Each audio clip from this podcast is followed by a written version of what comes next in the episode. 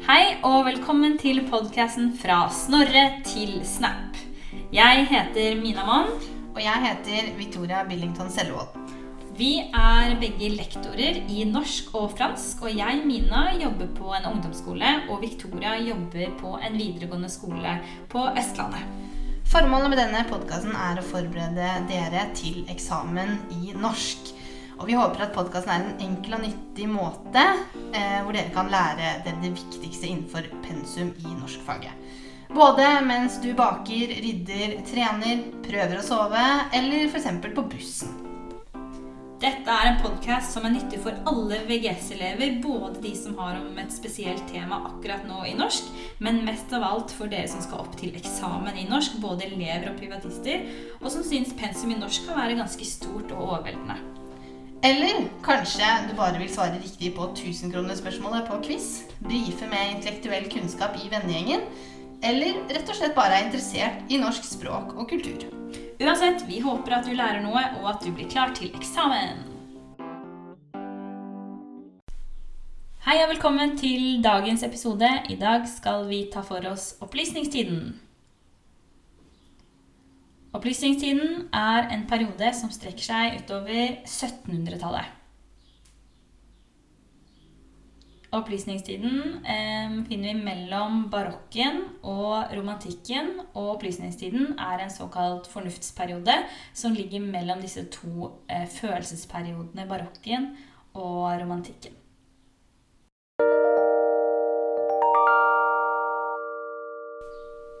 Og da Victoria, lurer jeg på om du kan fortelle litt om samfunnsforholdene i Europa. Og hva slags eh, tanker og ideer var det som eh, gjennomsyret denne perioden? Ja, i opplysningstiden så var jo da mennesket igjen i sentrum, slik som i renessansen. Og man var opptatt av eh, menneskets egenverdi, eh, menneskets rettigheter, og at folket skulle få makten. Dette ser vi bl.a. i historiske hendelser som Amerikas frigjøringskamp og den franske revolusjon.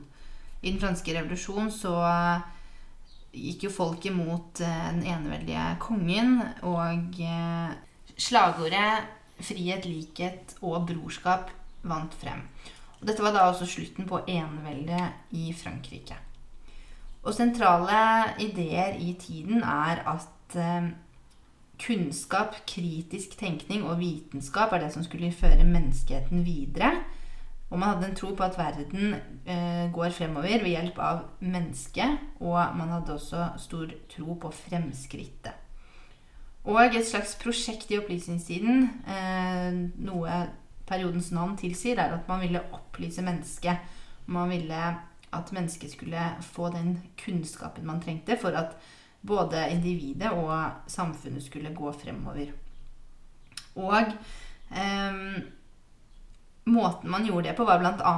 at man eh, lagde leksikon og eh, ga også ut aviser. Og eh, disse tankene de var truende for de etablerte og eh, tradisjonelle maktgruppene, som eh, da var kongen, adelen og kirken. Og når det gjelder religionen, så får den mindre makt, og kirkens lære blir utfordret. Som dere husker fra litteraturen i barokken, så var, eh, var det ofte religiøse motiver. Mens når det gjelder litteraturen i opplysningstiden, så var man mer opptatt av samfunnskritikk. Eh, og man skrev også reiselitteratur. I opplysningstiden så var moderniteten på frammarsj. F.eks. så kan vi se dette gjennom kapitalismen, industrialismen og hvordan det borgerlige samfunnet vokser frem. Ja, Mina, hvordan så Norge ut på 1700-tallet i opplysningstiden? Ja, opplysningstiden den blir jo ofte kalt for en tid av lys. Og det var jo en tid av lys og opplysning. Og samfunnsforholdene i Norge var også på hva skal vi kalle det, bedringens vei. Eh, for etter 1720 så var det veldig fredelige tider i Norden. Da var det slutt på den store nordiske krig. Det var befolkningsøkning, det var økonomisk oppgang i landet. Eh, flere kunne nå lese, skolene ble bedre, de ble utviklet. Eh, menneskene var fortsatt veldig religiøse, men vi ser at nå, nå begynner det å skje ting.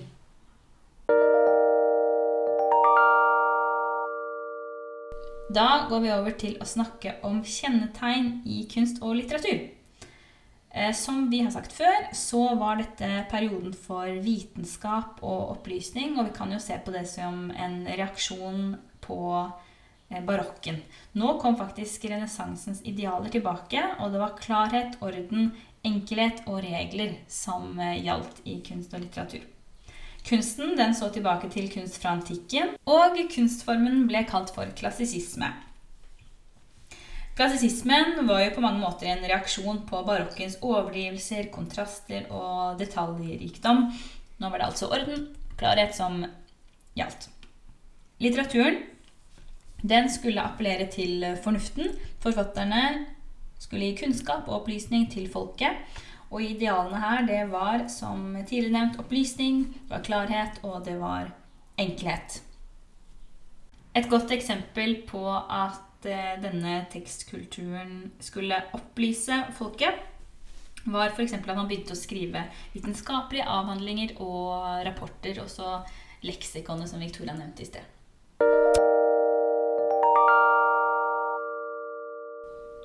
Men over til litteraturen. Når det gjelder diktekunsten, så var drama hovedsjangeren. Og eh, denne sjangeren var da inspirert av den gresk-romerske antikken.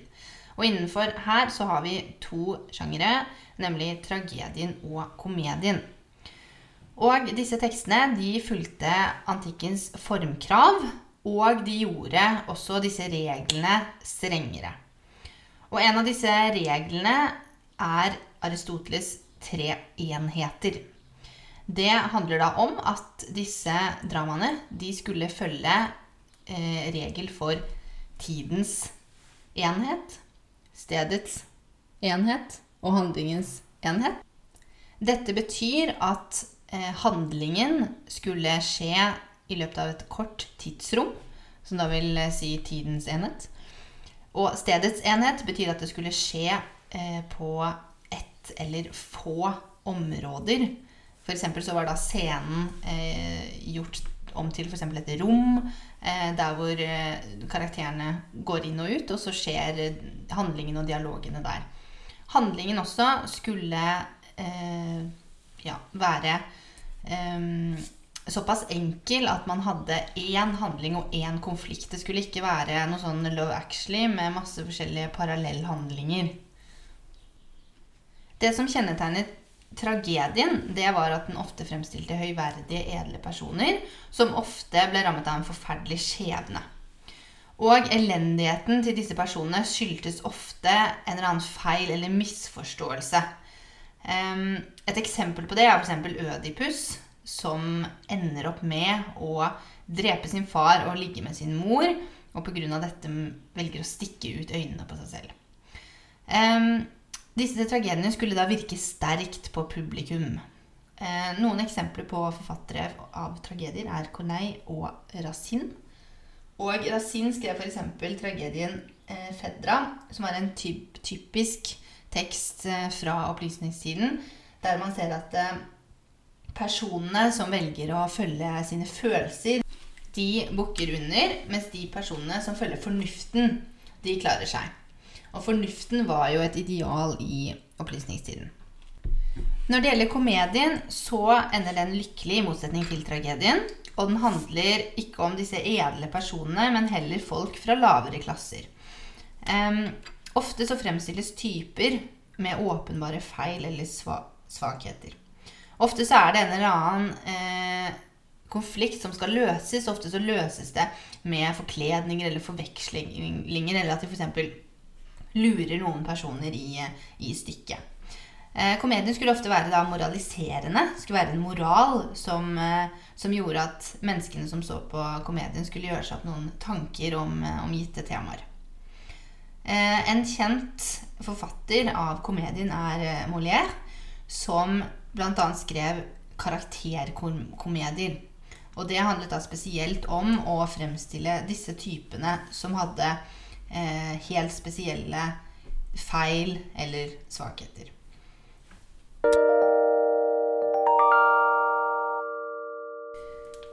Da skal jeg ta for meg en slik karakterkomedie som er skrevet av Ludvig Holberg.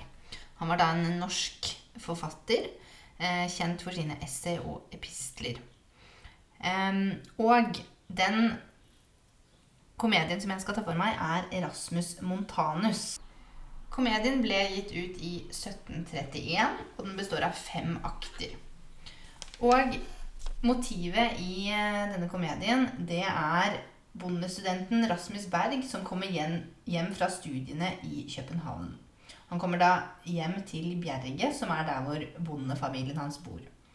Han disputerer der med ulike mennesker, f.eks. en eh, student og en ridefogd, eh, og argumenterer bl.a. for at jorden er rund. Bondefolket mener derimot at den er flat. Eh, og for at Rasmus Berg skal få gifte seg med sin forlovede Lisbeth, så må han bøye seg for at jorden er flat. Men lærd som han er, så nekter han det. Deretter blir han lurt av en løytnant til å ta imot vervepenger og dermed bli soldat. Og For å fri seg fra denne tjenesten så gir han faktisk etter og sier at jorden er flat som en pannekake. Og ulike temaer i denne teksten det er kunnskap, lærdom, uvitenhet og folkeopplysning. Og Vi kan se på et eksempel fra teksten på, sy på synet eh, på de lærde. Eh, Rasmus, Erasmus Montanus, eller da Rasmus Berg, han er jo da den lærde i denne komedien. Han kommer jo da hjem fra studier i København, som nevnt. Eh, og han har jo da kalt seg selv Erasmus Montanus fordi det er et, eh, et bedre navn for en lærd, ifølge han, eh, basert på latin. Og moren hans, Nille, hun sier da til broren til Montanus at skal du ikke bedre vite og respektere slik en lærd mann. Han er en ære for hele vårt hus. Slik at eh, her ser vi hvordan bondefolket så på de som hadde studert i København. Eh, men når man ser på denne teksten i sin helhet, så kan man se at det er kritikk både av utdanningen eh, i samfunnet, og da altså Erasmus Montanus sin lærdom. Eh, men også bondesamfunnets uvitenhet. Når det gjelder Erasmus Montanus sin lærdom, så kan vi se et eksempel på dette eh, i denne replikken. Kikkun kue, bene bedit, bene dormit. Nei, det er sant. Dere forstår ikke latin. Jeg må si det på dansk. Den som drikker vel, sover gjerne vel. Er ikke det sant? Så her kan vi se at selv om han vet at, eh, at eh, bondefamilien hans ikke forstår latin, så eh, skal han skryte litt og, og hevde seg litt over de ved å bruke disse latinske ordene. Så kan man også tenke seg om hvor nyttig det er da å, for en, for en norsk bondegutt å, å kunne denne latinen. I tillegg så kan man da se eh, bondesamfunnets uvitenhet gjennom eh, dialogen mellom Montanus og Nille. Eh, han bruker da logikk å, for å eh, vise henne at eh, man kan bruke da det han har lært, til noe, noe nyttig. Så eh, Montanus sier Nå skal dere få det å høre. En stein kan ikke fly. Så sier Nille. Nei, det er sant nok. Unntatt når man kaster den. Så sier Montanus, 'Du kan ikke fly'. Og Nille svarer, 'Det er også sant'. Så konkluderer Montanus, 'Ergo er mo lille en stein'. Um, og Nille blir da veldig lei seg, og hun sier, 'Akk, jeg er så redd for at jeg skal bli til en stein'. Så her kan vi se hvordan bondefolket blir latterliggjort. Um, og et mål eh, med denne fremstillingen er vel mest sannsynlig å et ønske om å skape mer samsvar mellom samfunnsklassene og eh, et ønske om å opplyse folket. Um, vi kan også se at det er eh, kritikk av de ulike samfunnsklassene i teksten. Blant annet så eh, sier Montanus til moren sin Mor lille, jeg vil gjerne vende han av med den vanen å si du til meg. Det er dog ikke anstendig for en bondegutt å si du til en lærd mann. Her snakker han da om broren sin, som han ønsker at skal si de, eller eh, enda bedre, monsieur til, eh, til seg selv. Fordi han mener at han er lærd, og da eh, skal han eh, bli omtalt på den måten. Og da skal jeg snakke litt om en annen tekst fra opplysningstiden. Den heter 'Smeden og bakgrunn', og det er en liten komisk fortelling som er skrevet av nordmannen Johan Herman Wessel. Eh, fortellingen er skrevet på vers, og den ble trykket for første gang i 1784 i ukebladet som Wessel ga ut, som hadde tittelen 'Votre serviteur otiosis'. Vet ikke helt hvordan man uttaler det, men det var sikkert eh, ganske riktig. Wessel han eh, var født i Norge. Eh, han er ikke like kjent som Holberg, men han har skrevet eh, noen småvers, komiske fortellinger og parodier. Han var en skikkelig bohem, og han tilhørte det beryktede Det Norske Selskap, som var en gruppe med norske studenter i København som møttes for å diskutere, for å synge, for å lese dikt, og alt dette mens de drakk en del punch. Eh, Wessel han skrev tre dramatiske tekster, bl.a. en tekst som heter 'Kjærlighet uten strømper'. Og den teksten parodierer den franske tragedien, som den er han ganske kjent for. Det som er gjennomgående i hans diktning, det er humoren. Og dette gjelder også særlig i Smeden og Bakeren. Da tar vi for oss motivet i Smeden og bakeren. Smeden og bakeren handler om en smed som dreper en annen mann ute på byen, og som må stilles for retten. Han blir dømt til døden for dette. Men smeden bor i en veldig liten by, og det er bare én smed i byen. Derfor trer fire av borgerne frem for dommeren, og de sier at det vil være synd om de mister sin eneste smed. Derfor foreslår de, at de heller kan dømme en av bakerne i byen, fordi de har jo to, bakere. to bakere. Retten eh, går med på dette fordi de kan ikke finne noe i bøkene sine som sier at det er forbudt å rette en baker for en smed. Så dermed tar de livet av en av bakerne, og smeden går fri. Så liv for liv er betalt, og alle er fornøyde. Når det gjelder denne tekstens tematikk, så handler jo smeden og bakeren om et samfunn som er preget av dårskap Altså alt annet enn fornuft. Eh, det er en absurd fortelling om urettferdighet og et manglende eh, rettssystem. Et eh, rettssystem som er preget av uvitenhet. Og budskapet det får vi faktisk servert av Wessel helt mot slutten av fortellingen. Da sier han faktisk helt tydelig, denne fortellerstemmen sier at moralen Beredt til døden alltid vær, den kommer når du minst den tenker nær. Så helt på slutten av fortellingen så kommer altså denne moralen. Så budskapet kan vi da si er at døden den kan inntreffe når som helst i et samfunn der hvor fornuften ikke råder. Men dette er jo også veldig overdrevet, og han er jo ironisk gjennom hele fortellingen. Dette er veldig satt på spissen, og han ønsker jo egentlig da å rette et eh, kritisk blikk eh, mot samfunnet. Så Smeden og bakeren, det er et samfunnskritisk dikt.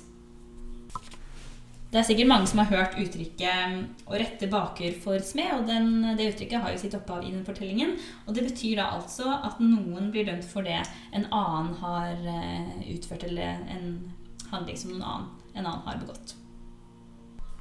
Så til slutt litt om formen til dette diktet. For det første så er diktet preget av eh, enderim. Det er ikke noe fast og strengt eh, rimemønster, men vi ser at det veldig ofte er enderim, f.eks. i begynnelsen. Der var en liten by, i byen var en smed, som farlig var når han ble vred. Fortellingen den blir formidlet til oss gjennom en veldig tydelig fortellerstemme, som til og med eh, henvender seg til leseren med små oppfordringer, anekdoter i løpet av fortellingen. Ellers så er den preget av replikker. Da er det fra eh, rettssaken så snakker dommeren, og borgerne snakker. Det er brukt mange utropstegn, mye sterke følelser, engasjement i løpet av teksten. Men mest av alt så er det jo brukt eh, humor som virkemiddel i denne fortellingen. For dette er satire på høyt nivå. Wessel kritiserer samfunnet gjennom humor. Og vi finner også kontraster. Blant annet så omtales jo dommerne som de veltalende. De blir opphøyd. Eh, men han vil jo egentlig fremstille dem som, eh, som dumme, så kontrasten eh, er tydelig. Så gjennom humor og satire så får Wessel fram sin samfunnskritikk og sin kritikk av makthavere, som jo var veldig typisk for opplysningstiden.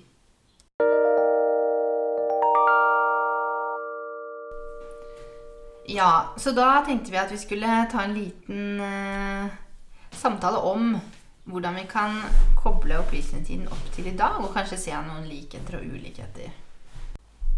For det første så sier vi at vi lever i et kunnskapssamfunn. Kunnskap har nesten ikke vært så viktig som det er nå. Vi lever av kunnskap. Kunnskap er makt, og kunnskap er penger. Ja, og eh, vi ser også det at menneskets evne til å forandre samfunnet eh, er også noe vi er opptatt av, og også spesielt av menneskets egenverdi. Eh, litt sånn som vi også snakket om eh, i renessansen, at mennesket er i sentrum. Det er det jo også i stor grad i dag. Mm. For eksempel så er vi veldig opptatt av å opplyse om hvordan eh, handlingene våre påvirker miljøet, og eh, hvordan vi kan, som enkeltmennesker da, kan påvirke eh, miljøforandringene som vi ser inn i fremtiden. Og um, de som styrer landet, har jo eh, på en måte en plikt til å opplyse om hva, som, hva man burde spise, hva man burde gjøre for å få et eh, godt og langt liv. Ja, ofte så kritiserer vi også de rådene som vi får da fra, fra politikere og, og, de som styrer. Og det som nesten blir problemet i dag, er at det er for eh, mye kunnskap. Eller folk sitter på for mye informasjon som kanskje ikke Som spriker. Det blir for stor informasjonsflyt. Vi vet nesten ikke hvem vi skal tro på. Og det kan jo føre til fake news. Vi vet ikke hvem som snakker sant. Det kan føre til konspirasjonsteorier, som egentlig bare blir mer og mer populært. Faktisk. Ja, og apropos den teksten i stad med, med, Montanus som måtte bøye seg for at jorden var flat, så er det jo også folk i dag som, som f.eks. tror at jorden er flat. Fordi de da eh, hva heter det, kritiserer de tradisjonelle, eh, den tradisjonelle kunnskapen. da.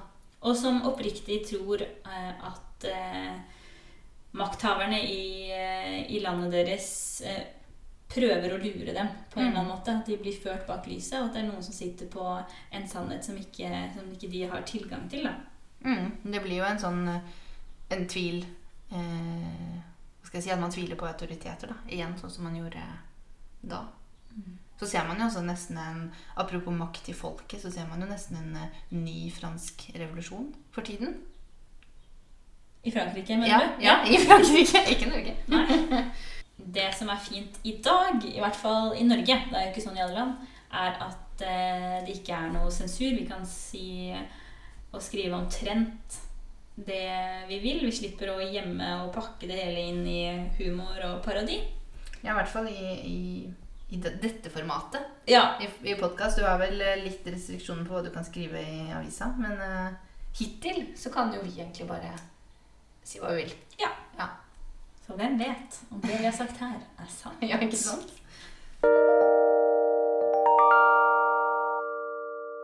Ja, og til slutt så tenkte vi å gi litt eh, informasjon om hvordan du kan bruke denne kunnskapen her på eksamen.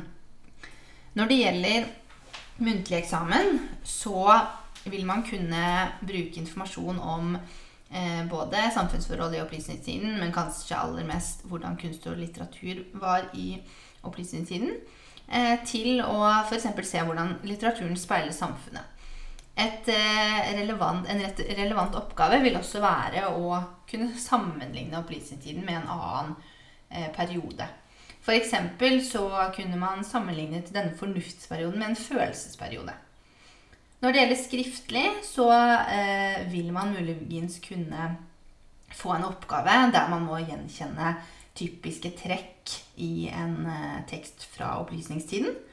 Og da se på hvordan disse verdiene i opplysningstiden kommer til uttrykk i tekstene.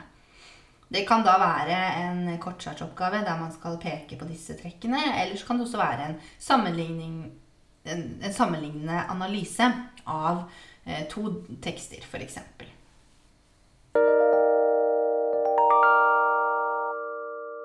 På slutten av 1700-tallet ser vi at eh, denne strenge fornuften begynner å måtte vike for eh, mer følelser. Så vi går inn i en ny følelsesperiode. Og det vi skal snakke om neste gang, det er romantikken. Spennende. Ja.